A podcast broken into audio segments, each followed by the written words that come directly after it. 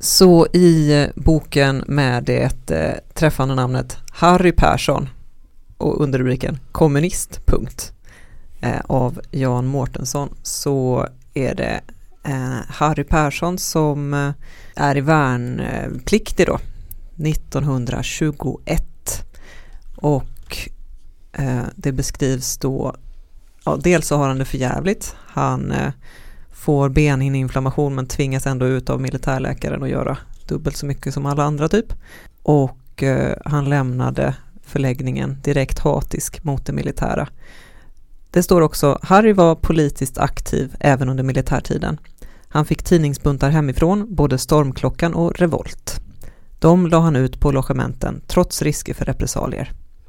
Den revolutionära pressen var förbjuden på regementet. Men eh, flera av kamraterna var radikala och sammanhållningen på luckan mycket fin.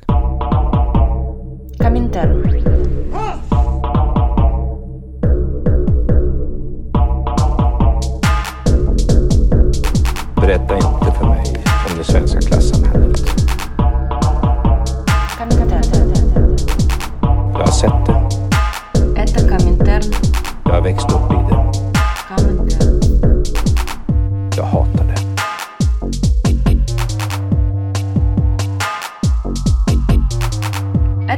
Framtiden.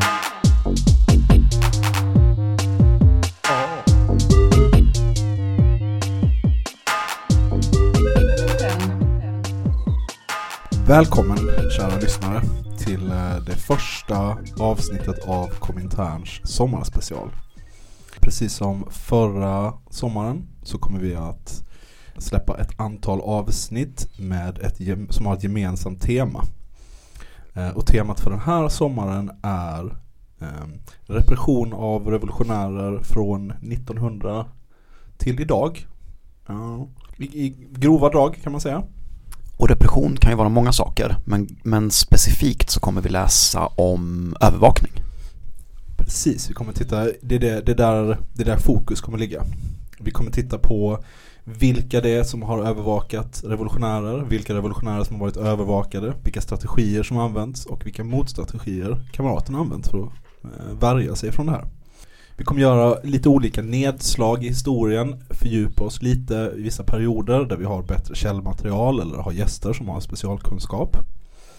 Eh, och idag så sitter vi här tillsammans med kamrat Hanna som har ett lite djupare intresse för just eh, perioden, vad ska man säga, Ni- 1900 till eh, 1900 Eh, Jag skulle nästan säga perioden 1909. eh, för, för just året 1900 Ja, just året 1909. Men det kanske även finns lite spridda eh, runt omkring. Men, men det året eh, är mitt år, så att säga. Det är inte för inte du kallar för storstrejks-Hanna på hissingen. Nej, exakt så. Och vi kommer jobba oss, eh, men vi, vi tänker att vi ska försöka tillryggalägga eh, eller försöka komma hela vägen fram till eh, 1939, alltså till andra världskrigets utbrott, det här avsnittet. Vi, vi gör så gott vi kan och så ser vi hur mycket vi hinner med. Förutom mig, Gaspar, så sitter även några andra i panelen. Var goda presentera er. Eh, ja, jag heter Tor i vanlig ordning. Och jag heter Andreas. Eh, kul att vara igång igen. Mm, superkul. Jag har sett fram emot det här sedan eh, förra sommaren faktiskt. Jag med. Jag har dock latat mig och inte läst på inför det här avsnittet. Så jag kommer att ställa dumma frågor och försöka eh, göra mig beskäftig och viktig ändå. Mm. Jag hade avsett väldigt eh, mycket tid eh, åt att läsa boken som vi läste. Det slutade med att jag kollade väldigt mycket på Robinson istället, nästan 24-7. Det har jag inte gjort på väldigt många år, men det var underbart. Jag tänker att vi kommer turas om att vara den som har underlåtit sig att läsa och så blir det här lite vad det blir. Och precis som förra året så tänker jag att vi efter varje avsnitt kommer komma på sju spår till som vi hade velat utforska. Men så får det vara helt enkelt. Ja, för vi har ju viss begränsning vad gäller eh, både källmaterial och, och vilka gäster och sådär vi har tillgång till. Ehm, så för den som vill ha någon slags eh, djup eh, historia av hela den svenska arbetarrörelsen från 1900 till idag. Ja, du får nog, du får nog se dig om någon annanstans eh, för att hitta det. Men för dig som är kanske intresserad av den här ganska smala eh, ins, insnävade eh, det här insnävade spåret eh, så kommer du säkert hitta en och annan godbit misstänker jag. under seriens gång. Kul! Ja, vi tänker oss kanske typ sex avsnitt, eller sånt där. Eh, det kan bli fler, för det kan bli någon som blir en dubbel. Ehm, vi får se, men eh, som det ser ut nu på pappret, sex avsnitt. Som vi kommer att släppa, när släpper vi det sista egentligen? Blir det någon gång i augusti eller? Ja, ja. det får vi väl se. Det beror lite på när vi är klara också. Det här spelar vi in tidigt i maj, ska vi säga. Ja, så får vi se lite när, hur det blir med släppdatumen exakt och sådär. Ehm, ska vi sätta igång? Ska vi ge oss i kast? Eh, Kamrat Tor har varit föredömlig och satt ihop en liten tidslinje och vi kanske ska färdas ut med den och det kanske liksom ska vara stommen i det här avsnittet. Mm, jag har eh, börjat den här tidslinjen. Men, eh, och jag tyckte jag drog tillbaka den ganska långt till året 1900. Men jag tror att vi faktiskt till och med ska ta oss tillbaka tidigare än så. Mm, då hojta, viftade jag med ett ganska störigt finger i luften och sa app, app, app. Därför att som vi har nämnt i den här podden tidigare, och det tänker jag att vi ska klarlägga, så börjar den politiska övervakningen i Sverige, vad jag kan läsa mig till, någon gång på 1880-talet. För det är då som Stockholmspolisen systematiskt börjar övervaka den unga socialdemokratiska rörelsen. Eh, och eh, det eh, verkar vara den första politiska övervakningen i Sverige. För först 1905 finns det register över utländska medborgare i landet. Mm. Undrar om då 1905 också har ett samband med unionskrisen heter det väl, Norge. Det var ju väldigt stark, i alla fall antimilitaristisk propaganda mot, eh, ja, mot militären. Just för att de befarade att det skulle bli liksom eh, krig tror jag med Norge. Aha, ja men det låter ju högst roligt. Vi fick ju efter förra sommarspecialen en bild skickad till oss, vi har dragit det här flera gånger nu, men det är roligt att Stockholmspolisens tidiga register samsorterade anarkister och italienare. Det låg liksom i samma perm. Jag tycker det är fantastiskt.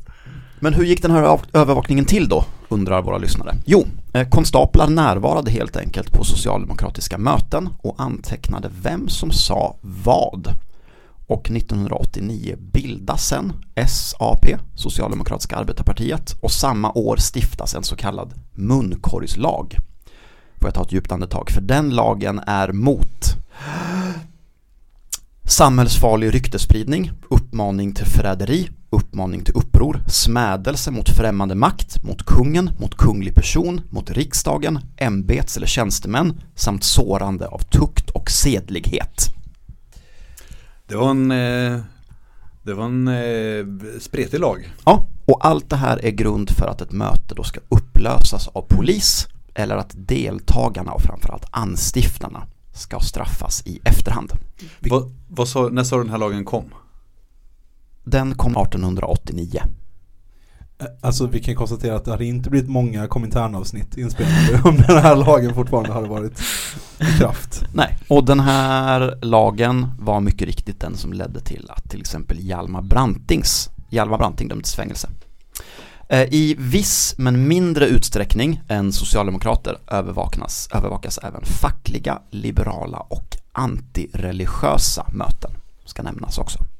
Hur många övervaka, eller hur många döms för brott mot munkorgslagen undrar ni? Jo, eh, från 1889 till 1922 så är det 119 personer som döms för något politiskt yttrande. Vänta, vill du dra de åren igen? Hur många? Eh, Mellan åren 1889 och 1922 så är det totalt 119 personer som döms för något politiskt yttrande. Det är inte fruktansvärt mycket människor. Det är inte skitmånga, nej. Nej, det är det inte. Och hur många av dem var Hjalmar Branting? En. Okej. Så det är alltså personer som döms, inte antal domar. Så tolkar jag det, ja. Bra. Så okej, 1800-talet, munkorgslag införs. Eh, är det ungefär det som händer på 1800-talet? Det är allt av intresse som skedde på 1800-talet, ja. Men det låter väl som att polisen börjar göra lite trevande försök i att och syssla med, eh, med spionage och övervakning på en ganska basal nivå. Det går ner en, en myndig konstapel i någon sån källarlokal och sätter sig med armarna i kors längst bak med ett anteckningsblock. Kanske en tidning upp och ner. Som man liksom tittar upp över. Det är min känsla av det här i alla fall. Sossar, tänkte de. Men vänta bara, för här kommer 1900-talet. Precis. De okej. skulle bara anat. Så nyårsklockorna ringer. Eh, året eh, 1899 till blir till året 1900. Det är en stor dag. Precis, vi inleder vårt, eh, vårt nya decennium. Sekel. Både och. Ja, allt. Inte millennium dock. Men, eh, och 1900-talet, tidiga 1900-talet, det var en ganska fredlig och lugn tid och så, eller? Ja, 1900-talet anses ju generellt inom historieforskningen som en period av lugn och eh, sammanhållning bland arten Homo sapiens sapien. Ja, med ett undantag kanske, Socialdemokraterna eh, hade lite olika Eh, splittringen. Nej men eh, eh, social, det här kan inte jag jättemycket om ska jag också bara säga, men, men Socialdemokraternas eh, ungförening, eh, eh Ungsocialisterna, eh, blir ju liksom, eh, går åt det mer anarkistiska hållet. Eh, så, så det blir ju eh, en ut, fan vad, vad blev det, blev det ett utbrytande eller blev det en uteslutning? Jag vet faktiskt inte vad som, jag tror att det var 1903, men det, Jag tror att det är 1908. Och jag tror att det är både Mm. och, både en uteslutning och en nybildning. Jag tror att det är en majoritet av ungdomsförbundet som ryker faktiskt. mm. Mhm. Innan dess, vad har vi, alltså jag tänker att så här, vad, ska, vad har vi för eh, aktiva grupper i början på 1900-talet? Vad finns det för olika, för olika mm, partier, sammanslutningar, eh, organisationer? Vad har vi att jobba med liksom? För det händer ju en massa saker liksom. Det är ju, det är ju en jätteintressant tid. Ja, vi har sossarna. Vi har ungsocialisterna. Kommer ungsocialisterna också kallas för unghinkare här? Är det, ja, det är vad de, vad de blir sen? sen blir de det. Varför då? Eh, Hinkeberggren kanske ni har hört talas om och pratat om innan. Nej, jag vet inte, de, eh, Hinke var ju en väldigt framträdande figur som också uteslöts då, eh, ja, det var 1908 va? Jag tror det. Eh, och, eh, och då kom ju ganska mycket anklagelser om kättarförföljelse. Det var liksom en krisdebatt inom, inom Socialdemokraterna som, som kom in över 1909. Och då kom också en ny grupp in här för eh, eh, Socialdemokraterna får ju ett nytt eh, ungdomsförbund som kallas för Ungdemokrater. Eh, och även de har ju liksom sina duster med partiledningen. Och sen har vi också arbetarrörelsen såklart, LO har bildats. Och, eh, och också, eh, ja SAC finns inte då, för det bildas efter storstrejken, så det bildas 1910.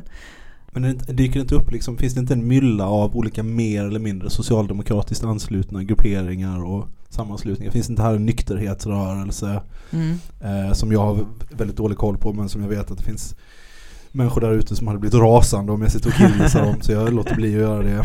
Eh, man kan tänka sig att ja, men det måste ju finnas diverse kvinnogrupper, det måste finnas eh, diverse, jag tänker mig att Folkets hus börjar diskuteras här och kanske till och med byggas, Ma- massa sådana saker liksom. Ja, men det finns arbetare kommuner kan man säga, men de är ju, de är ju som socialdemokratiska liksom, föreningar och de eh, tar initiativ till Folkets hus och bildar olika Folkets hus-kommittéer och liknande. Men, men visst är det rättvist att tala om här som att det finns en stor organisatorisk sol som är Socialdemokratiska arbetarpartiet och så finns det olika satelliter runt omkring som ligger mer eller mindre nära. Där eh, unghinkarna eh, är kanske de som ligger allra längst ut bort Ja. från. Mm. Men så kan man göra och det är också, jag menar, även, eh, även den här solen får ju uppleva liksom stridigheter då, att till exempel eh, från oktober 1908 så, så fackföreningar som, eh, som tidigare blivit automatiskt anslutna till både arbetarkommunen och till partiet, till sossarna, de fick lov att träda ut från och med eh, 1908. Så alltså, eh, det, ja, och det, innan det så pågick ju en stark liksom, rörelse för att få lov att helt enkelt lämna, eh, inte vara ansluten till, till partiet, bara för att man eh, var arbetare och anslöt sig till en fackförening. Redan 1906 så har ju också, alltså man tänker Socialdemokraterna som, som är idag, nu vet jag för sig inte om eh, Anton Nilsson var ansluten till Socialdemokraterna, men det är ju en tumult, alltså så här, det är ju en vild tid liksom.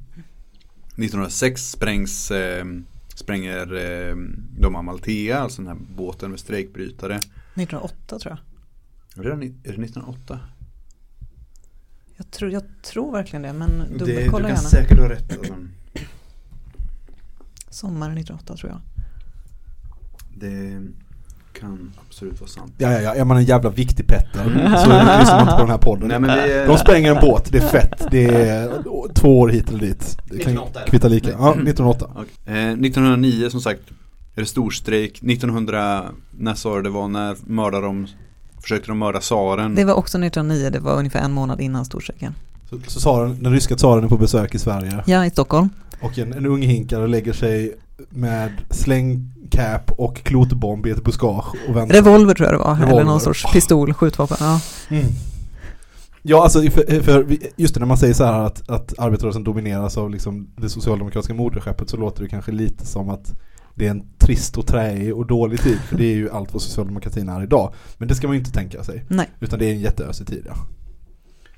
Det skjuts revolver, det sprängs skepp, det är jättemycket strejker runt om i hela landet. Det bubblar och det kokar.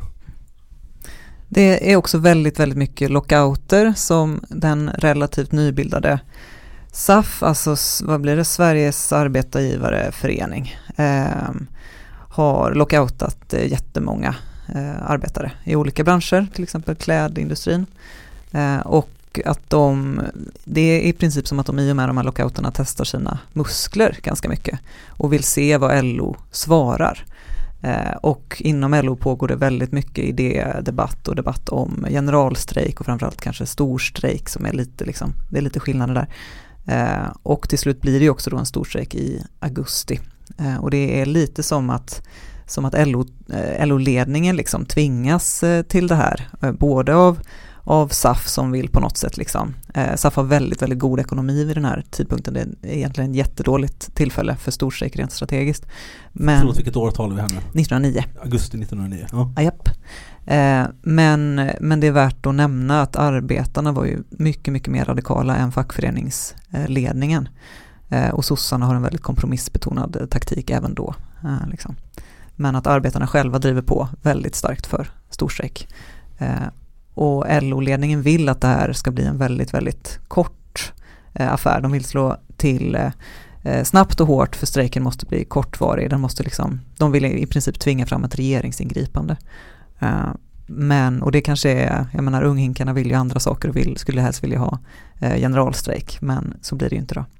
Eh, och det blir också, det blir inte kortvarigt eh, utan Eh, fabrikerna har väldigt stora lager så de behöver bara ett minimalt antal strejkbrytare för att fortsätta liksom skicka ut eh, eh, skicka, exportera helt enkelt. Och järnvägsarbetarna tas inte heller ut i strejk. De har ett separat fackförbund så LO har inte riktigt kontroll över dem men de skulle ändå kunna fråga. Men jag tror inte ens att de gör det. Så järnvägsarbetarna fortsätter arbeta så egentligen så fortsätter liksom exporten ut. Så företagen klarar det jättebra. Arbetarna får också enormt mycket internationell hjälp. Eh, jättemycket pengar, jag vet inte exakt hur mycket det skulle motsvara med dagens liksom, penningvärde men, men eh, eh, Det är färre som liksom går till, behöver gå till socialen under den här månaden i augusti än vad det vanligtvis brukar vara, för de får så mycket pengar från utlandet. Så det- väldigt många ögon riktas liksom mot, mot den här storstrejken. Eh, arbetare liksom världen, världen över eh, vill verkligen att det ska eh, lyckas, men det gör inte det. Så de svälts ut kan man säga. Och vad var liksom knäckfrågan som strejken bryter ut över? Vet vi det? Ja, eh, dels så är det som en bukett av lockouter inom flera olika branscher. Eh, att företagen alltså har liksom, eh, kört arbetarna på, på porten. Och det är, men det är ju såklart handlar om, nu ska vi se, jo men eh, arbets, SAF vill få till riksomfattande avtal eh, och de flesta arbetare motsätter sig det. De vill ha liksom lokalt, eh, kunna påverka lokalt. Eh, och om det skulle bli riksavtal så vill ju SAF att eh, lönerna ska eh, bli ett medelvärde så det innebär ju en lönesänkning för väldigt många.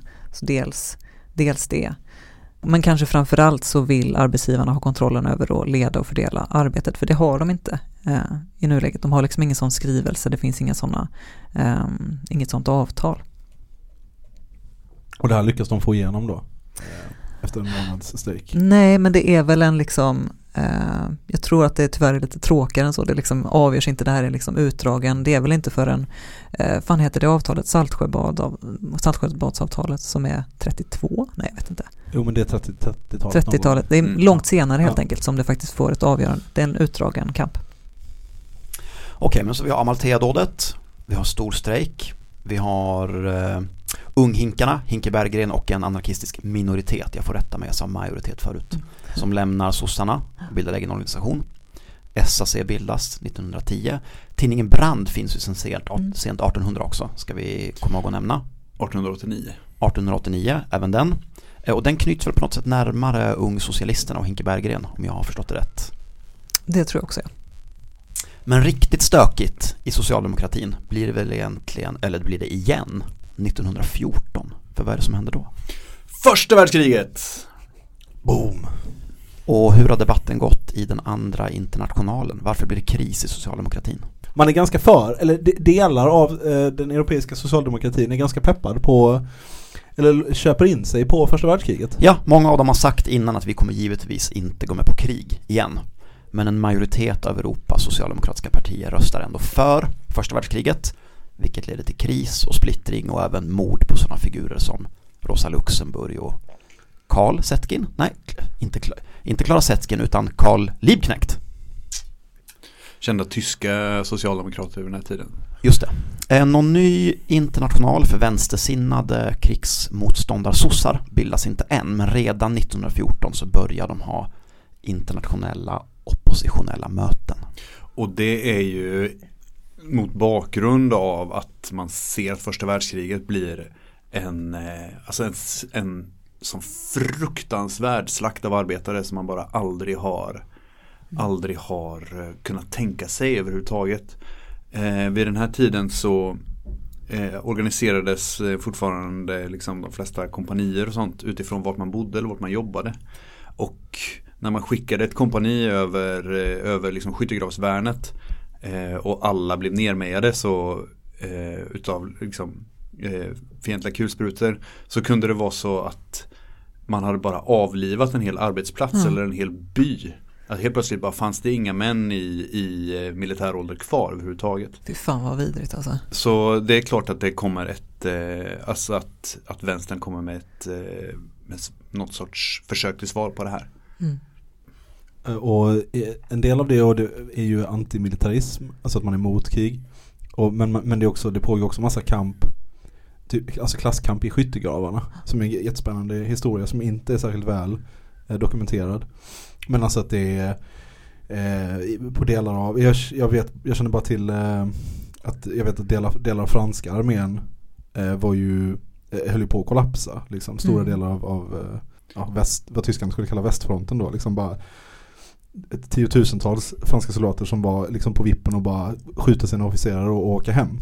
Ja. Eh, Ett av de mest välkända exemplen på det här är ju ju, första julen under första världskriget när det blev så eh, spontan vapenvila och eh, ganska svårt att få eh, soldater att börja döda varandra igen. Ja. Men även på hemmafronten, Sverige var ju neutralt under första världskriget också, man var inte liksom inte indragen.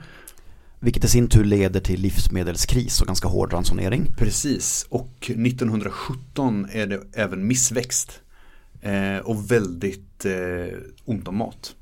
Nu märker jag att vi har liksom spolat förbi rösträttskampen också. Men det ska också sägas att den pågår i allra Mm. högsta grad Ja. under 1900-talets början och 10-talets början. Eh, men 1917 i alla fall, det är hungersnöd.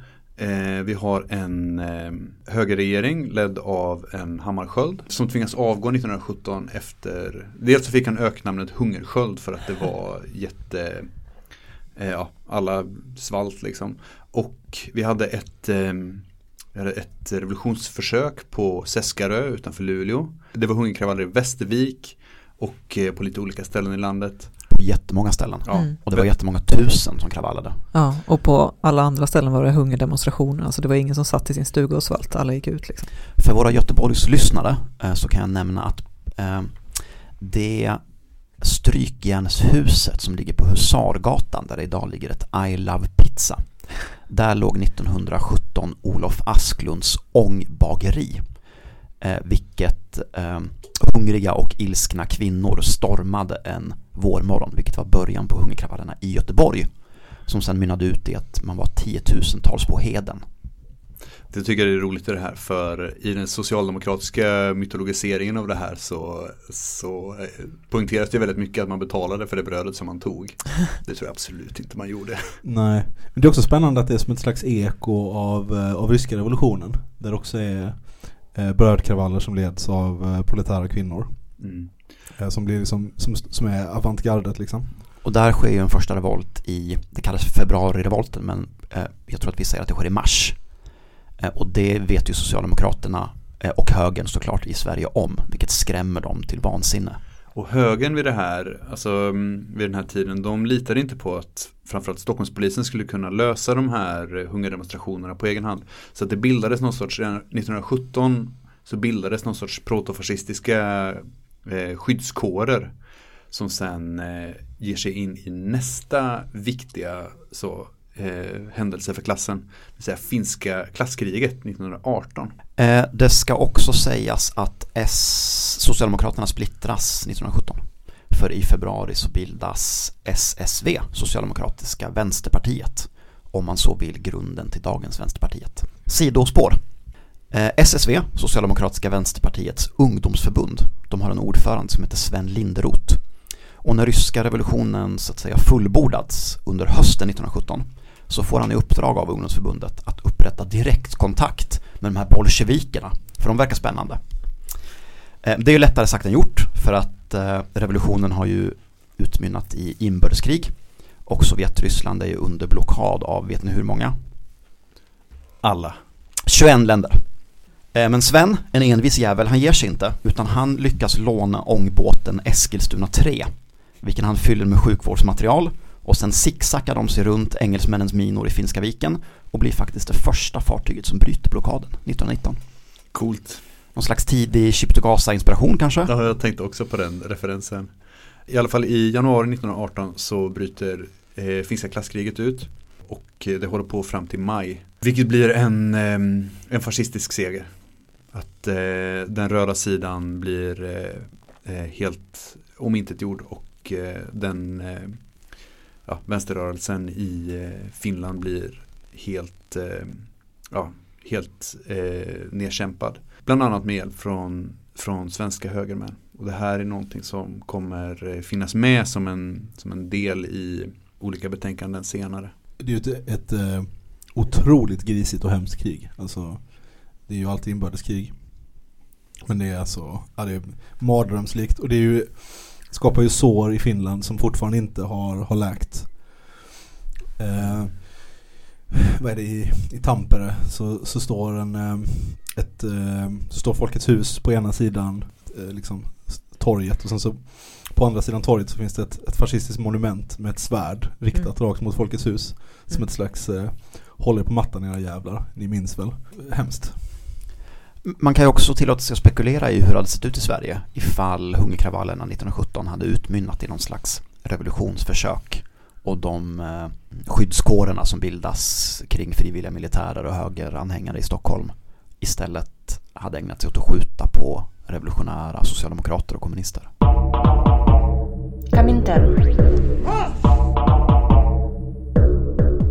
Men nu känns det som att vi har lagt lite bakgrunden. För 1917 har vi faktiskt glömt en Nej, vad har vi nämnt? Ryska revolutionen. Det har vi gjort. Vi har däremot inte nämnt att här började en bok som vi har läst. Eh, Den heter I försvarets intresse, Säkerhetspolisens övervakning och registrering av ytterlighetspartier 1917 till 1945. Den är skriven av Ulf Eliasson. Precis. Eh, men i alla fall, bolsjevikerna tar makten i Ryssland 1917. Det här får ju enorma konsekvenser för vänstern eh, över hela världen. Helt plötsligt finns det en, en stat som, som man kan eh, få hjälp av, som man kan få ekonomiskt stöd av. De här svallvågorna från Ryssland eh, uppfattar naturligtvis polisbyrån i Sverige som där och då bestämmer sig för att i högre utsträckning övervaka de personer som har som mål att omstörta samhället. Och av särskilt intresse eh, är vilka organisationer som finns på respektive ort, namn på ledande personer och om någon militärt ansluten deltar. Jag tänker att vi behöver nämna en aktör till.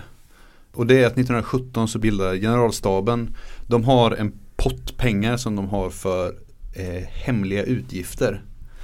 Eh, och 1907 så bildar de en, ett organ som heter underrättelsebyrån.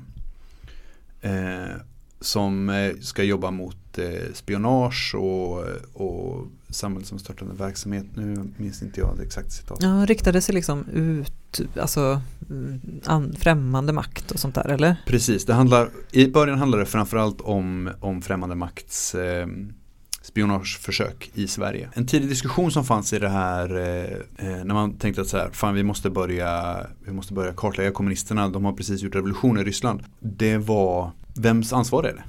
Det blev en ansvarsfråga som på klassiskt så byråkratmaner. Är det vi eller är det ni som ska göra det här? Och eh, då var de två sidorna som, som fanns var antingen så får militären göra det eller så får polisen göra det. Och man kommer fram till att eh, det, det ligger på polisens eh, uppgift att, att göra det här. Varför anses polisen mer pålitlig än militären? Om det är en fråga om pålitlighet. Jag tror inte det är enbart en fråga om pålitlighet till att börja med i alla fall utan eh, det handlar om eh, huruvida det ser bra eller dåligt ut att militären gör det. Men vi vet ju generellt att poliser har varit mer Alltså polisen har alltid varit mer lojal med staten än vad militären har varit. Ehm. För militären är lite en egen, alltså, ja nu kommer jag att verka okunnig, men liksom, vi har militären och så polisen, men vad är egentligen skillnaden? Alltså vem är polisens främsta uppdragsgivare egentligen? Jo precis, alltså båda jobbar ju för staten och i det här läget, det här tycker jag är superduperintressant och jag vet att jag har tagit upp det tidigare i podden. Men i det här läget så är eh, när så finns inte kravallpolis på det sättet som vi Mm. känner den idag. Utan de som sattes in mot ordningsstörningar eller allvarliga händelser. Alltså de som sattes in mot de här hungerkravallerna både på Seskarö och i Växjö och överallt annars i Göteborg. Eh, det var ju militären för att polisen var inte tillräckligt stark. Polisen var inte statlig vid den här tiden. Mm. Den var kommunal. Och eh, det var inte förrän Ådalen som polisen, eh, som polisen var de som sattes in när militären inte fick sättas in t- den egna befolkningen längre. Och det här leder ju naturligtvis till att de som, eh, de som är inblandade i eh, samhällsomstörtande verksamhet att de måste ju interagera med militären. En av kommunisternas liksom ehm, viktigaste uppgifter Agitationens mål är att förhindra, är- är att förmå militärer att avbryta sin tjänstgöring.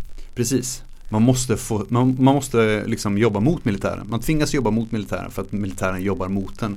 Oavsett om det är militären som driver övervakningsregister eller inte. Ja, för det här, då snackar vi ju redan från liksom 1900-talet eller liksom tidigt eh, 1900-tal.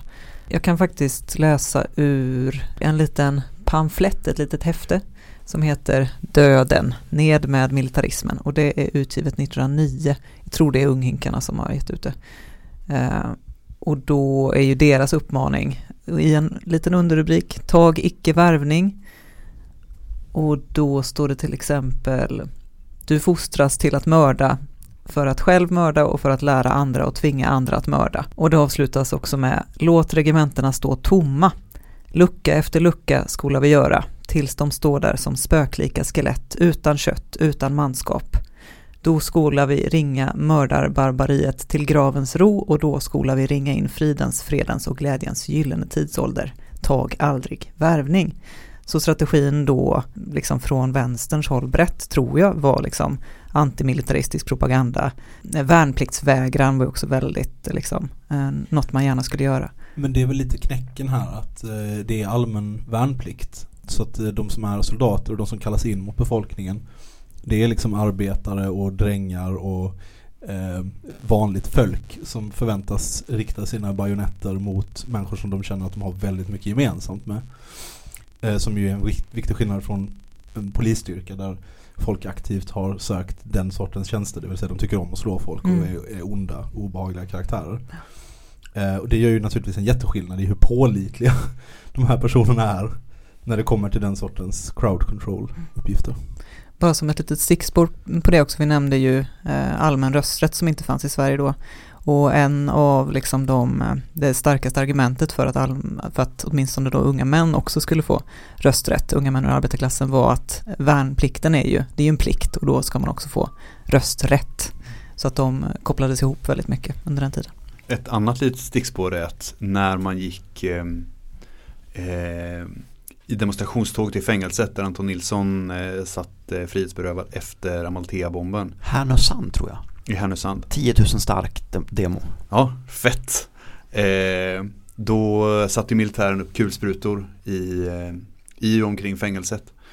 Och eh, de var ju be, bemannade av eh, värnpliktiga vid det tillfället. Mm. Och de, har, de enskilda individerna har sagt efteråt att så här, om de hade kommit hit så hade vi inte skjutit.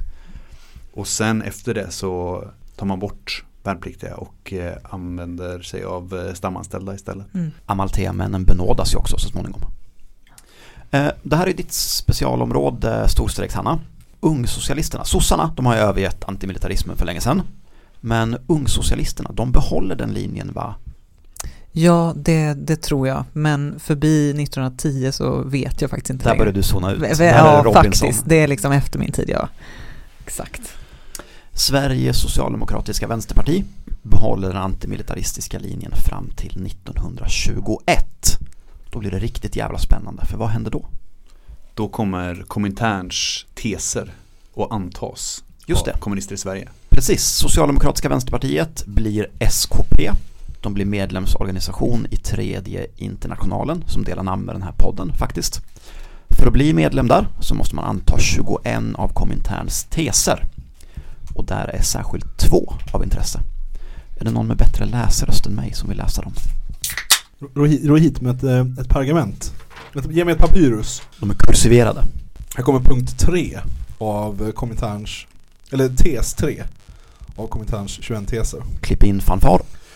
I alla länder där kommunisterna till följd av belägringstillstånd eller undantagslagar inte har möjlighet att bedriva hela sitt arbete legalt är det absolut nödvändigt att kombinera legalt och illegalt arbete. I nästan alla länder i Europa och Amerika är klasskampen på väg in i en inbördeskrigsfas. Under sådana förhållanden får kommunisterna inte lita på den borgerliga lagligheten. De är skyldiga att överallt bygga upp en parallell illegal apparat som vid den avgörande tidpunkten skulle kunna hjälpa partiet att fullgöra sin plikt mot revolutionen. Punkt. Här kan man tänka sig att det är många som sätter kaffet i halsen när tidigare SSV, nuvarande SKP, alltså dagens vänsterparti, ställer upp på den här tesen. Bygg en underjordisk sidoverksamhet. Bak, bak, säger de. Där de sitter vid sina, vid sina skrivbord. Vi följer upp med tes 4. Det kan omöjligt bli värre, tänker de på UB. Ihärdig systematisk propaganda och agitation måste bedrivas bland trupperna och kommunistiska celler bildas vid varje militärt förband. Detta arbete måste kommunisterna mestadels utföra illegalt, men att avstå från sådant arbete skulle vara liktydigt med att svika den revolutionära plikten och oförenligt med medlemskap i tredje internationalen. Punkt. Så om strategin innan var att liksom hindra folk från att ta värvning, obstruera, låt regementena stå tomma, då är detta något nytt och något annat. Ja, nej men från och med 1921 eh, så säger SKP att vi ska inte längre vägra värnplikt utan tvärtom ska välutbildade agitatorer ta sig in i det militära och övertyga manskapet om vikten av klasskrig snarare än imperialistiska krig. Vi skjuter våra generaler och så vidare.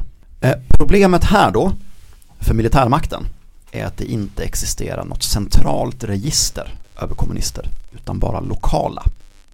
Och därför för det är helt enkelt polisen som har koll på vilka kommunister som finns på orten, men eh, de har inte något utbyte med militären med sådana uppgifter, eller hur? Och knappt något utbyte med varandra heller eftersom att det är olika det är olika kommun, eh, alltså så här, Mm. tänker att det är olika kommunala tjänstemän som ska sitta och, och mejla de här uppgifterna till varandra på, eller typ sitta på något så knackigt Zoom-möte som ingen av dem riktigt förstår hur de ska göra. Men alltid lite mer barnen i Bullerbyn. Att den lokala polischefen med sådana handlebar mustaches sitter och håller koll på sina lokala ordågor. Typ. Just det.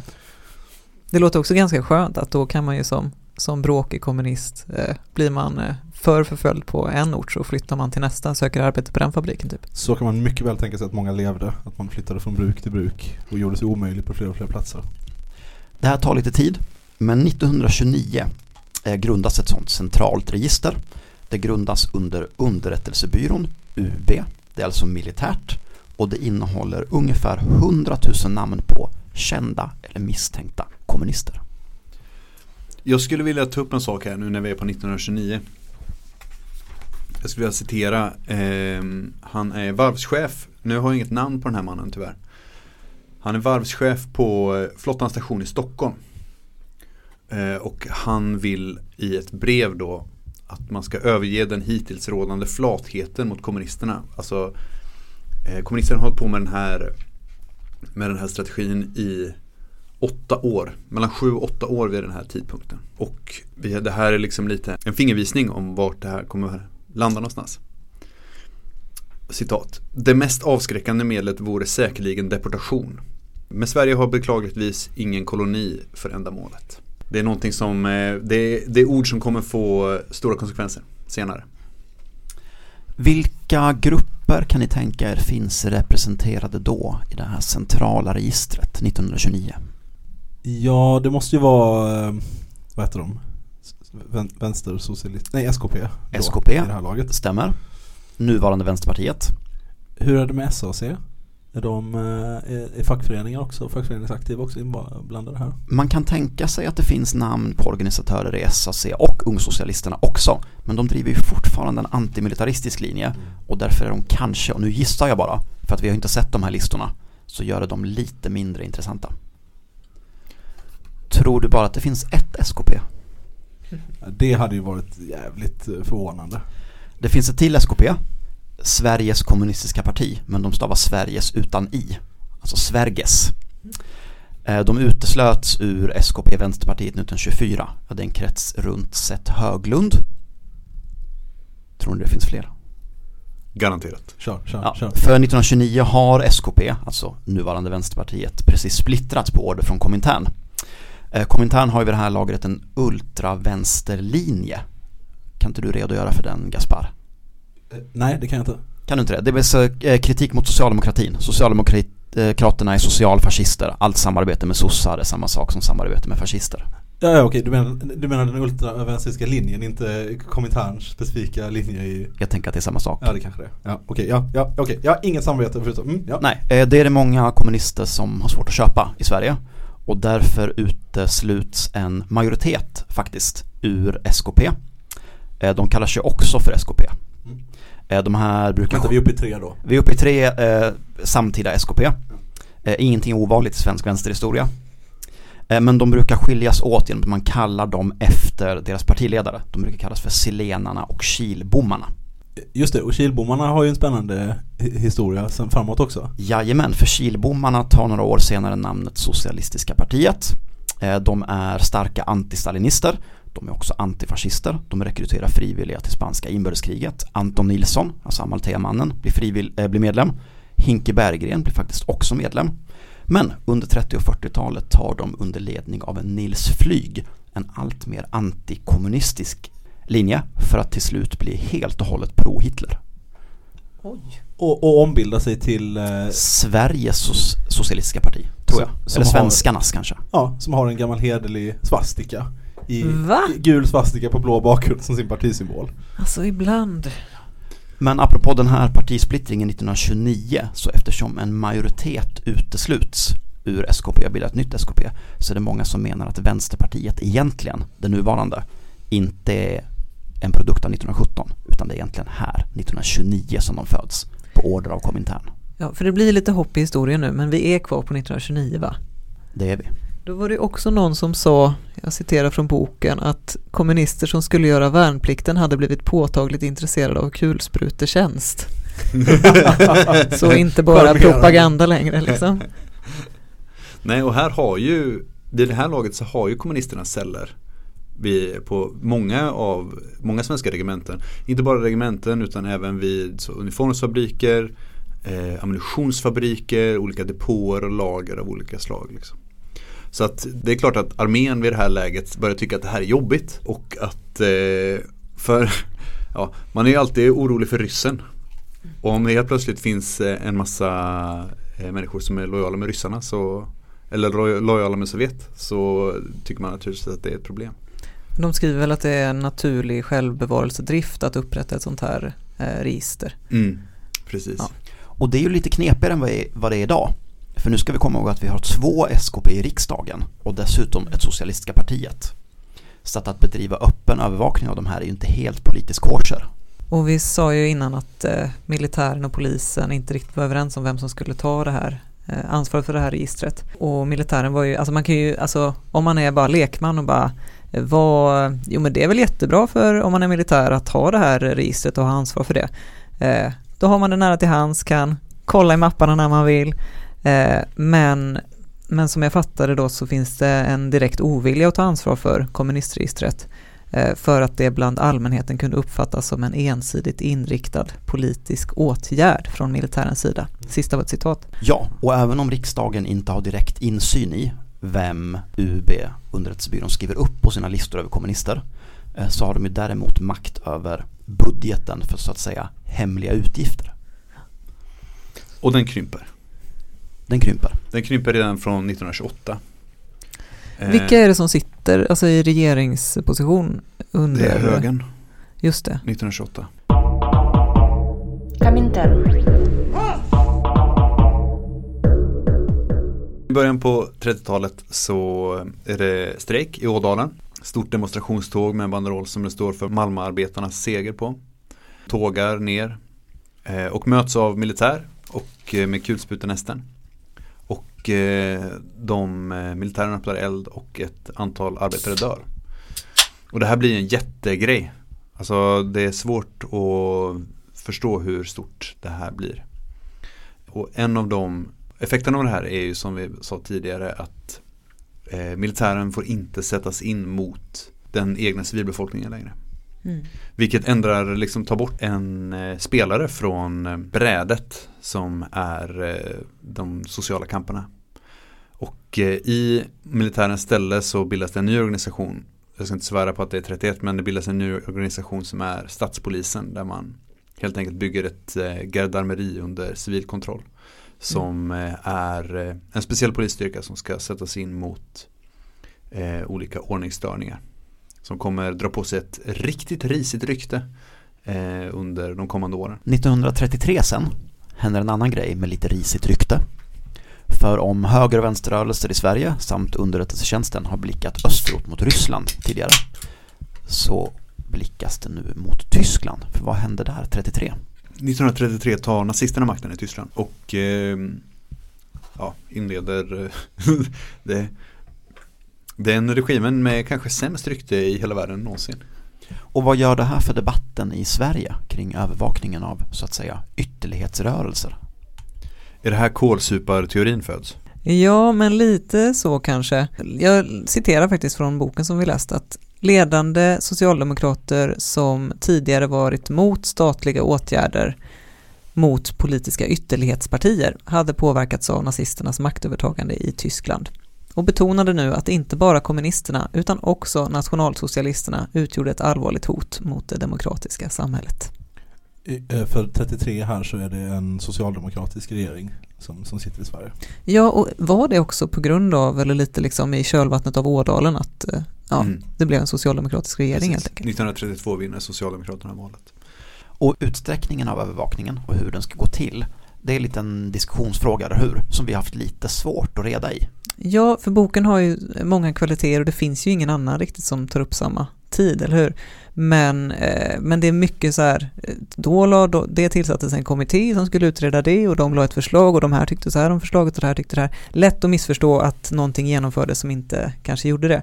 Eh, men det diskuterades i alla fall väldigt eh, mycket. Till exempel eh, ett förslag, en väldigt ingripande åtgärd var förslaget då att införa en lag om förbud mot statsfientliga partier. Vilket ju i det här fallet också skulle inbegripa flera partier som hade fått mandat och satt i riksdagen, eller hur? Ja, det stämmer. En handfull SKP-are, eller en handfull SKP-organisationer. Så det är en ganska liksom, omfattande liksom, åtgärd. Justitiedepartementet i ett av sina betänkanden, jag vet inte exakt vad ett betänkande är, ska jag säga, men jag antar att det är någonting som föregår en lag, Mm. Eh, lista faktiskt de grupper som borde vara av intresse för den här eventuella utökade övervakningen. Jag läser från den listan.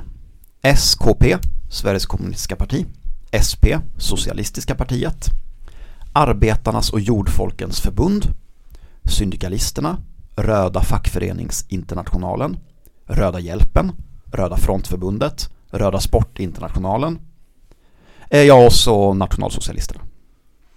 För det här är någonting, man tar ju också upp det här på logementen.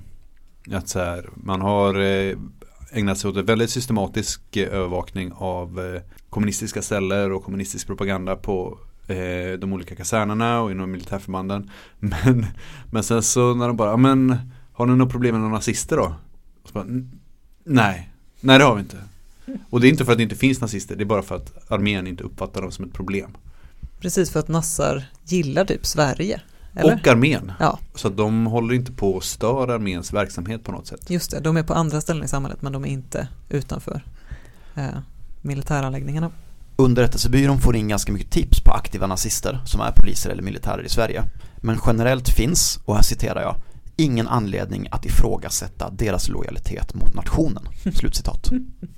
Nej, och det är väl sant. Alltså, det, de har ju ingen, de är inte illojala mot nationen. Det är inte, det är inte deras problem direkt.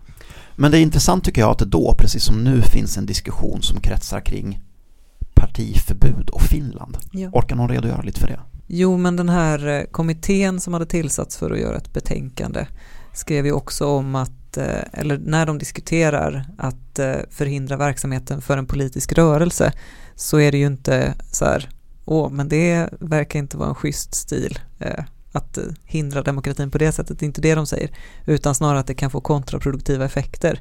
Eh, att om det verkligen eh, är fråga om så här, missnöje inom någon befolkningsgrupp så att försöka stoppa den här rörelsen kan ha till följd att missnöjet blir bittrare och får en explosiv kraft som det eljest ej skulle ha. Eh, Så det är ju strategiskt liksom. Men trots det så föreslog de ändå den här eh, förbudet mot statsfientliga sammanslutningar i alla fall. Jag har bara för mig att jag läste någonstans i boken att man diskuterade ett eh, partiförbud likt det som finns i Finland. Mm. Men att man tror att det skulle öka den underjordiska verksamheten. Ja, och den är i precis. sin tur svårare att övervaka. Vilket ju Precis. låter lite grann som diskussionen som förs idag kring förbud mot nazistisk organisering. Och att det finns ett förbud mot eh, NMR i Finland. Vilket har resulterat i att NMR har bytt namn i Finland. De är tvungna att steka pyttipanna i lönndom. I, i, I olika scoutstugor. Det är som ni säger sosseregering och det är det mellan 32 och 36. Och därför är frågan om SSU politiskt känslig också. Därför att inom det militära så råder inga som helst tveksamheter om att ungdomsförbundet har antimilitarister och medlemmar med rent samhällsomstörtande åsikter. Men man tror helt enkelt inte att det skulle gå igenom politiskt att försöka förbjuda eller ens övervaka SSU. Mm. Nej för dels är det väl, handlar det väl om den, den politiska aspekten som är att eller i det att eh, ett förbud skulle kunna eh, öka kampviljan eller driva rörelsen under jord på ett sätt som gör den svårare att kontrollera. Dels så ska man få igenom det här i riksdagen och, eller ja, i regeringen och där sitter det ett antal mer eller mindre socialistiska kommunistiska partier.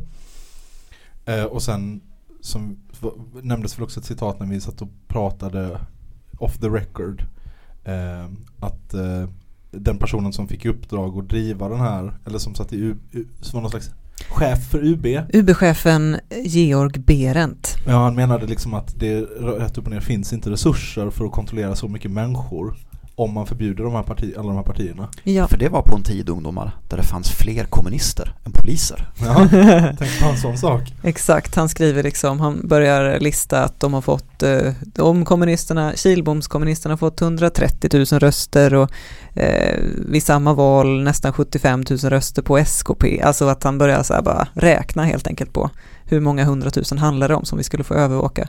Eh, och att eh, egentligen så vill han ju liksom eh, illegalförklara de här partierna men mot bakgrund av medlemssiffrorna så blir det allt för svårt att genomföra eh, för det skulle bli väldigt betungande och ineffektivt att eh, övervaka allihop efteråt.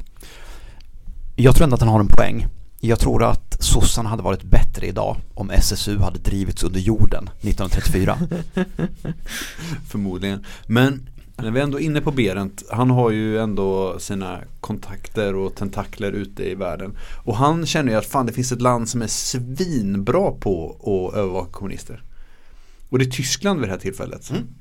Han knyter kontakt med någonting som heter Antikommunistiska byrån i Berlin.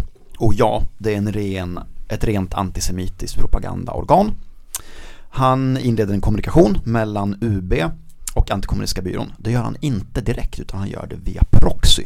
Han skickar sina brev till militärattachén i Berlin som sen traskar över med dem till Antikommunistiska byrån. För att av någon anledning tänkte han sig att kommunikation med antisemiter i Tyskland 34, det skulle kunna vara politiskt känsligt, jag vet inte. Men och eh, han fick också, dels så var de ju sugna på att dela listor. Mm. Alltså tyskarna. De diskuterar möjligheten till ett direkt underrättelsesamarbete. Mm. Och sen så ville de också ha sin bok publicerad. Vilka vill ha sin bok Alltså tyskarna. Jag tror att alla inblandade här vill ha den boken publicerad va? Ja. Ja, det är någon som heter von Bar som har översänt ett manuskript till en antikommunistisk skrift för eventuell utgivning i Sverige. Och den här Berent då, eh, UB-chefen som vill ha mycket på sitt bord men ändå då eh, tar sig tiden att läsa det här manuskriptet. Efter att ha läst manuskriptet tycks Berent ha blivit mer osäker på nyttan av fortsatta kontakter med Tyskland, står det. Och eh, vill inte längre ha direkt kontakt med den här som har skickat över manuskriptet. För senare blir den här eh, texten ändå utgiven utan hans, eh, utan hans eh, hjälp. Eh, Med så många högermän och högerkrafter runt om i Europa så blir han lite chockerad och förvirrad när han får reda på vad som faktiskt pågår i Tyskland och vidden av det nationalsocialistiska vettvilliga vansinnet liksom. Och framförallt tror han inte att den här propagandaskriften är politiskt gångbar i Sverige. Den är helt enkelt för vulgär och radikal. Ja, det är också mitt intryck att det liksom inte är sakinnehållet egentligen Nej, nej, nej. som han som person har något eh, emot antisemitismen och sådär, utan, utan mer att, eh, ja, vad säger han, att Sverige är det rödaste landet i Europa, det kommer inte funka att prata på samma sätt. Nej, det beklagar han sig över att han lever i ett i kommunistvälde. Eh, Men han beklagar sig också över den svenska polisens närhet till regeringen. De Mm. är liksom helt odugliga för hans antikommunistiska syften därför att då måste man tala om för riksdagen vad man gör. Han är någon slags 30-talets Jörgen Fågelklo. Kanske man kan, kanske man kan tänka. Fast Jo. utan att ejakulera sig själv i ansiktet. Den här Berent eh, skriver eh, till Tyskland att det blir nog heller inte så ofta jag kommer att besvära då vi icke fullt är överens angående bästa sättet sköta propagandan mot kommunisterna i Sverige. Man får inte gå till överdrift menar han.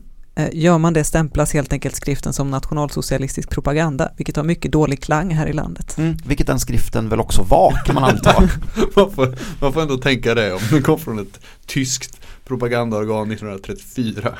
Men som vi sa tidigare så ingår det alltså i UBs uppgifter att eh, övervaka alla politiska ytterligheter. Men man skulle nog ändå kunna säga att de är rent antikommunistiska. De frångår sitt uppdrag därför att något vidare intresse för aktiva nazister i Sverige det verkar de helt enkelt inte ha. Och efter det har det inte hänt. Det är första och enda gången som det här händer i svensk historia. Att en eh, så övervakande myndighet som ska eh, övervaka så ytterligheter bara inte bryr sig så mycket om nazisterna. Mm. Eh, Så det har aldrig hänt förut. Alla kan vara lugna och förvissa i det. Skulle man kunna säga att de stängde nazistskåpet redan 1939? Sen har det inte öppnats igen. Eh, Men vad händer då med människorna i underrättelsebyråns register när kriget sen bryter ut 1939? Spanien först. Ja, och egentligen innan dess, vi har liksom inte nämnt det här att de inte hade några pengar, Ja. eller? Okej, backa bandet. Pengar och. Spanien. Eh, för 1933 så fick alltså inte den här eh, Berent som vi varit inne på, Georg Berent eh, och hans gäng på UB, eh, de fick inga pengar till sin hemliga verksamhet längre. Precis, den socialdemokratiska regeringen stryper helt enkelt generalstabens så hemliga utgifter konto. De får inga pengar dit. Det började redan 1928 med att eh, man, man drog ner på den budgeten. Och efter det så, så får de helt enkelt inga, inga anslag. Är det här någonting som eh, gör att de bara, nej okej, den här myndigheten är nedlagd nu. Det verkar tycka, det liksom känns som att vi eh, inte har något stöd längre för att driva den här verksamheten. Det är kanske är bäst att vi lägger ner. Var det Nej, så de precis. tänkte? Nej, inte, så sa ingen på UB vid den här tiden. Utan de sa Det kanske finns privatpersoner som hatar kommunister också Jättemycket och de kanske har en massa pengar så, de Och så var det! så var det, hör och häpna Föga förvånande. Nej men eh, så de började helt enkelt eh, få in pengar från eh, Ja, från olika antikommunister i Sverige Mm, typ fabriksägare och så tror jag att det Mm. handlar om, bland annat. Nej, fabrikörer! Ja, eh, så att de eh, blir mer eller mindre en privatiserad Även om de fortfarande räknas som liksom en del av, eh, av eller ett statligt verktyg Mm. så kommer all deras pengar från eh, Barmhärtiga samariter. Men sen ju närmare vi kryper kriget desto mer benägen blir, blir eh, staten att och ge stöd igen eller ge pengar till den här hemliga, det är till en hemlig post så man kan inte se vad, vad pengarna läggs på heller. Mm. Ju fler kommunister som mördas och sätts i läger i Tyskland, desto strängare måste man vara mot dem i Sverige. Man kan ju tänka sig Fan nu kan jag inte min historia tillräckligt bra men det är väl säkert så att Sovjet bör flexa lite utrikespolitiska muskler vid det här läget Mm. också. Så det, det finns säkert med i. Mm. Men det är ju, det, det, är ju eller finns ju ingen tvekan om att det är slagsida angående vilka det är som, eh, som eh, hålls under lupp. Liksom. Mm. Sen 1936 då får vi liksom lite en försmak på, eller man skulle kunna säga att vi får lite en försmak på andra världskriget. Det är ju när revolutionen i eh, Spanien och, eh, Kuppen. och sen kuppen. Först revolutionen, sen kuppen. Vad för revolution? När eh, de socialisterna tog makten. Men de blev väl valda? Ja, revolution, ja okej. Ja, ja, ja, ja. Oj, anarkisten visar färg! När socialisterna vann demokratiska val. Precis. Och sen så eh, ehm, Och sen så Francos kupp Och eh, från, Sverige, från hela världen så strömmade ju frivilliga eh, Från Sverige kom det främst kommunister till Spanien För att slåss på den republikanska sidan mot fascisterna Här i Göteborg är ju såklart den anarkistiska sidan mest känd eftersom att vi har eh, eh, Nisse Lätt som kommer härifrån Ja, var han från Göteborg verkligen? Var han inte det? Nej, han var från Eskilstuna. Ah. Varför finns alla hans skit här då? Därför att han kom hit efter Spanien, Ah. till Sveriges största hamn. Låter ändå rimligt Hola, me llamo Nifelet. Precis, så det kom Sa han glatt. Precis, så efter, efter krigsslutet i Spanien så, så dyker det upp massa så solbrända eh, kommunister i Sverige med lite posttraumatisk stress eh, och, eh, lite vapenvana. och stridserfarenhet. Ja. Eh, som också såklart eh, såna här svenska antikommunistiska övervakningsorganen har extremt stort intresse för. Och inte intresse som i att, aha, de här vapenvana männen borde vi kanske ha i fronten vid ett eventuellt nazistiskt maktövertagande. Nej, utan de här behöver vi lockouta från hela samhället så mycket som möjligt. Även om det var många människor som tog emot de Spanienfrivilliga när de kom hem så fick de leva ganska hårda liv eh, åren efter. Och de hamnar helt säkert i UBs register. Ja, och där tror jag också eh, lite fler hamnar för eh, det 1939 i alla fall så finns en särskild tvångsmedelslag. Så med hjälp av den kan de ordna postkontroll på eh, tidningar som eh, är kommunistiska som Ny Dag, Norrskensflamman, Sydsvenska Kuriren, Arbetarbladet. Och då får de tag på namn och adress på prenumeranterna. Och det är ju väldigt behändigt. Och vad som sen händer med människorna i UBs register när kriget byter ut 1939 det får man veta i nästa avsnitt. Så till dess så får ni ha det så gott. Nej, inte riktigt än va? Ska vi inte bearbeta vad vi har lärt oss? idag? Jo, det ska vi ha. Eh, finns det någonting, eh, två stycken här. Finns det någonting vi kan lära oss som vi kan bära med oss idag från den här perioden? Eh, spontana reflektioner från, från panelen. Just det, det är den här svåra frågan som jag brukade ställa varje gång förra sommaren. Just det. Och därför har jag inte förberett något svar. Nej, nej. Jag skulle säga så här. Alltså övervakningen, vi kommer ju komma till det här senare. Övervakningen fortsätter ju såklart av, av vänstergrupper. Det är extremt viktigt för oss att det är en social rörelse, att vi finns i människors liv, att vi finns i samhället. Att vi inte sluter oss och blir en liten maoistsekt. Det är viktigt att vi, att vi är människors kollegor, att vi är människors grannar, att vi liksom att vi är en aktiv del i andra människors liv. Det är så vi kan skydda oss. Eh, för det är det här, alltså när de pratar om att eh, förbjuda organisationer till exempel. Då är det ju att det är för många, att det är liksom politiskt omöjligt att, Mm. att genomföra det som gör att det är, eh, att det är svårt. Jag tänkte också på det att liksom massa ger skydd. Mm. Och det kanske inte behöver vara folk som tycker som oss precis.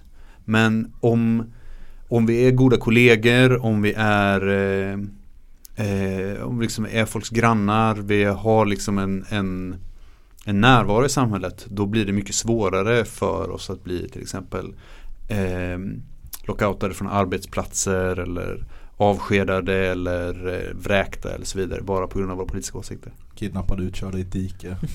Skjutna. Till exempel. Eh, Ja, I researchen till det här avsnittet så har jag ändå känt att jag saknar exempel på antirepression. Mm. Och då tänker jag inte Alltså till exempel strejkkassorna kring strejkrätten och den typen av repression, antirepression finns det ganska bra exempel på. Men det går ju att utläsa av protokollen att arrangörerna av kommunistiska möten, de vet att polisen är där och skriver upp vem som säger vad. Men de kanske hade just den tanken då att, att vi agerar i öppenhet, vi finns i människors liv. Vad gör man när det inte, skyddet inte räcker till då? Vilket det bevisligen inte gjorde. Då använder man eh, så eh, olika proxyservrar och eh, krypterade kommunikationsverktyg och har en, det är därför vi har en säkerhetskultur. Det är därför, det är därför man inte pratar med poliser, det är därför man, Mm. inte, man inte säger någonting på telefon som man inte kan tänka sig att säga direkt till en polis. Men är det möjligt att ha båda då? Ja men det är just det, det finns ju ändå någon sorts, eh, kanske inte konflikt däremellan men liksom det är, eh, det blir ju högre trösklar, ju mer säkerhetskultur desto högre trösklar är det för någon som är helt ny liksom. Um, och det är svårt.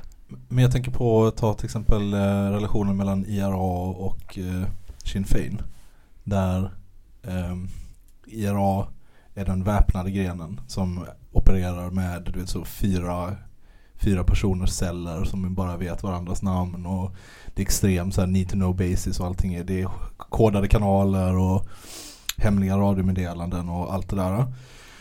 Eh, och, eh, och sen så den politiska grenen som är Sinn Fein då som är ett öppet verkande politiskt parti i samhället liksom. Nu, nu blev det ju inte revolution på Irland liksom och det är ju inte ett kommunistiskt paradis. Men de lyckades ju också med jävligt mycket grejer liksom. Mm. Eh, och eh, oavsett kritik man har mot Sinn Fein slash IRA så får man ju ändå konstatera att de lyckades med det. De lyckades både ha en eh, ur, urban, föra ett urbant gerillakrig och samtidigt föra en öppen politisk eh, kamp. Jag har försökt läsa så mycket press från den här tiden jag kan just för att hitta exempel på Mm. antirepression. Där är ju tidningen Brand ett föredöme. Där finns det på SACs hemsida rätt mycket digitaliserade nummer. Besviken blev jag på att det var så svårt att hitta dåtida kommunistisk press digitalt. Jag har till exempel inte hittat ett enda nummer av Stormklockan Mm. som är den kommunistiska ungdomstidningen på den tiden. Som är ju jättestor också. Ja, men det måste ju gå, det finns ju väldigt många olika arkiv, jag tänker på arbetarrörelsens Ja. arkiv och bibliotek till exempel. Men Kan jag man är inte välkommen där nu. Det är mitt problem. Inte du? Det är pandemi. Jaha, ja Ja, precis. det är inte jag. Det Va, är va? inte, Är du det är portad? inte bannlyst Vilken repression. eh, men eh, nej men det, det är hemskt, jag håller helt med. Eh, verkligen. Får jag läsa ett fint exempel som jag hittade? Mm. Gör det. Eh, Hinke Berggren, han satt ett par gånger kan man säga. Bland annat en gång för strejk, en gång för att ha hotat strejkbrytare, en gång för att ha förolämpat en gruvintendent och en gång för att ha hållit ett föredrag om värnpliktsvägran.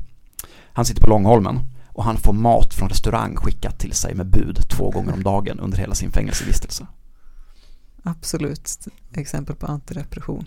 Jävla För det handlar ju ofta om liksom socialt stöd, eller hur? Det är liksom är ju många som värnpliktsvägrar i början på 1900-talet och som blir dömda för det till ungefär tre månaders fängelse. Liksom. Eh, nej, tre månaders straffarbete ganska ofta, eh, vilket är ju betydligt hårdare. Och de eh, får ju liksom stöd och det hålls fester när de kommer ut och sådär av deras lokala organisationer. Det kan man läsa i Brand som nästan alltid slutade med klubbarnas rapporter Mm. på den tiden. Och då skriver ungsocialisterna ofta att de har haft ett protestmöte till stöd för fängslade kamrater eller en fest som har samlat in pengar till klasskämpar och så. Mm. Fint. Så Ja. de hade samma strategier då som nu skulle man kunna säga. Mm, så är det. De har lite fler bara. Men okej, men en annan sak som jag har tänkt på när vi läste den här boken är att så här, oavsett, eller när man lever i nutiden, vilket man ju alltid gör eftersom man är en människa, eh, så kan ju historien kännas som en så här, ehm, jag vet inte, en, en ganska enkel sak, eller så här, Sverige gjorde så, eller de gjorde så, att det är de här liksom stora makroskeendena.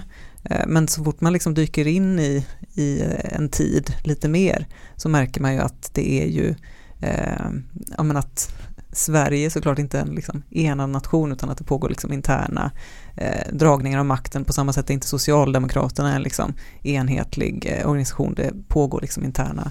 Och att det känns bara som något som jag i alla fall tänker på när jag läser sånt här. Att det, det är så att de här kamperna som hela tiden pågår inom och även typ inom militären, inom eh, att, det, att man måste hitta sätt att liksom dra nytta av det eller förstå vad som händer på insidan eh, och få det att jobba för en på något sätt, om det är möjligt. Liksom. Eh, att, man inte, att man inte ser liksom staten som en enda enhetlig stark eh, eh, koloss som är emot den. Eh, även om det kanske kan verka så eller, eller också vara så, men att det också eh, att det också finns interna motsättningar överallt. Typ. Ja, nej, för den borgerliga historieskrivningen och även den officiella arbetarrörelsens, alltså socialdemokratins historieskrivning vill ju gärna förljuga det faktum att klasskampen pågår hela tiden Mm. och att de interna slitningarna är stora även till exempel under det undantagstillstånd som krigstid innebär. Mm. Verkligen. Jag hoppas till nästa avsnitt att vi ska kunna läsa mer av den dåtida rörelsen och Mm. inte så mycket om, men det får vi väl se. Tack så mycket för att du lyssnat. Och tack för att du kom, Tack att jag fick komma, roligt. Vad har vi för outro idag? Eh, det är väl inte riktigt klarlagt. Vad var det eller? du sjöng när vi satt i salongen nyss? Jaha, eh, Moderat likvidation eh, Sprängd låten heter. Vi får se, det kan bli den. Kan bli den. Ja. Adios.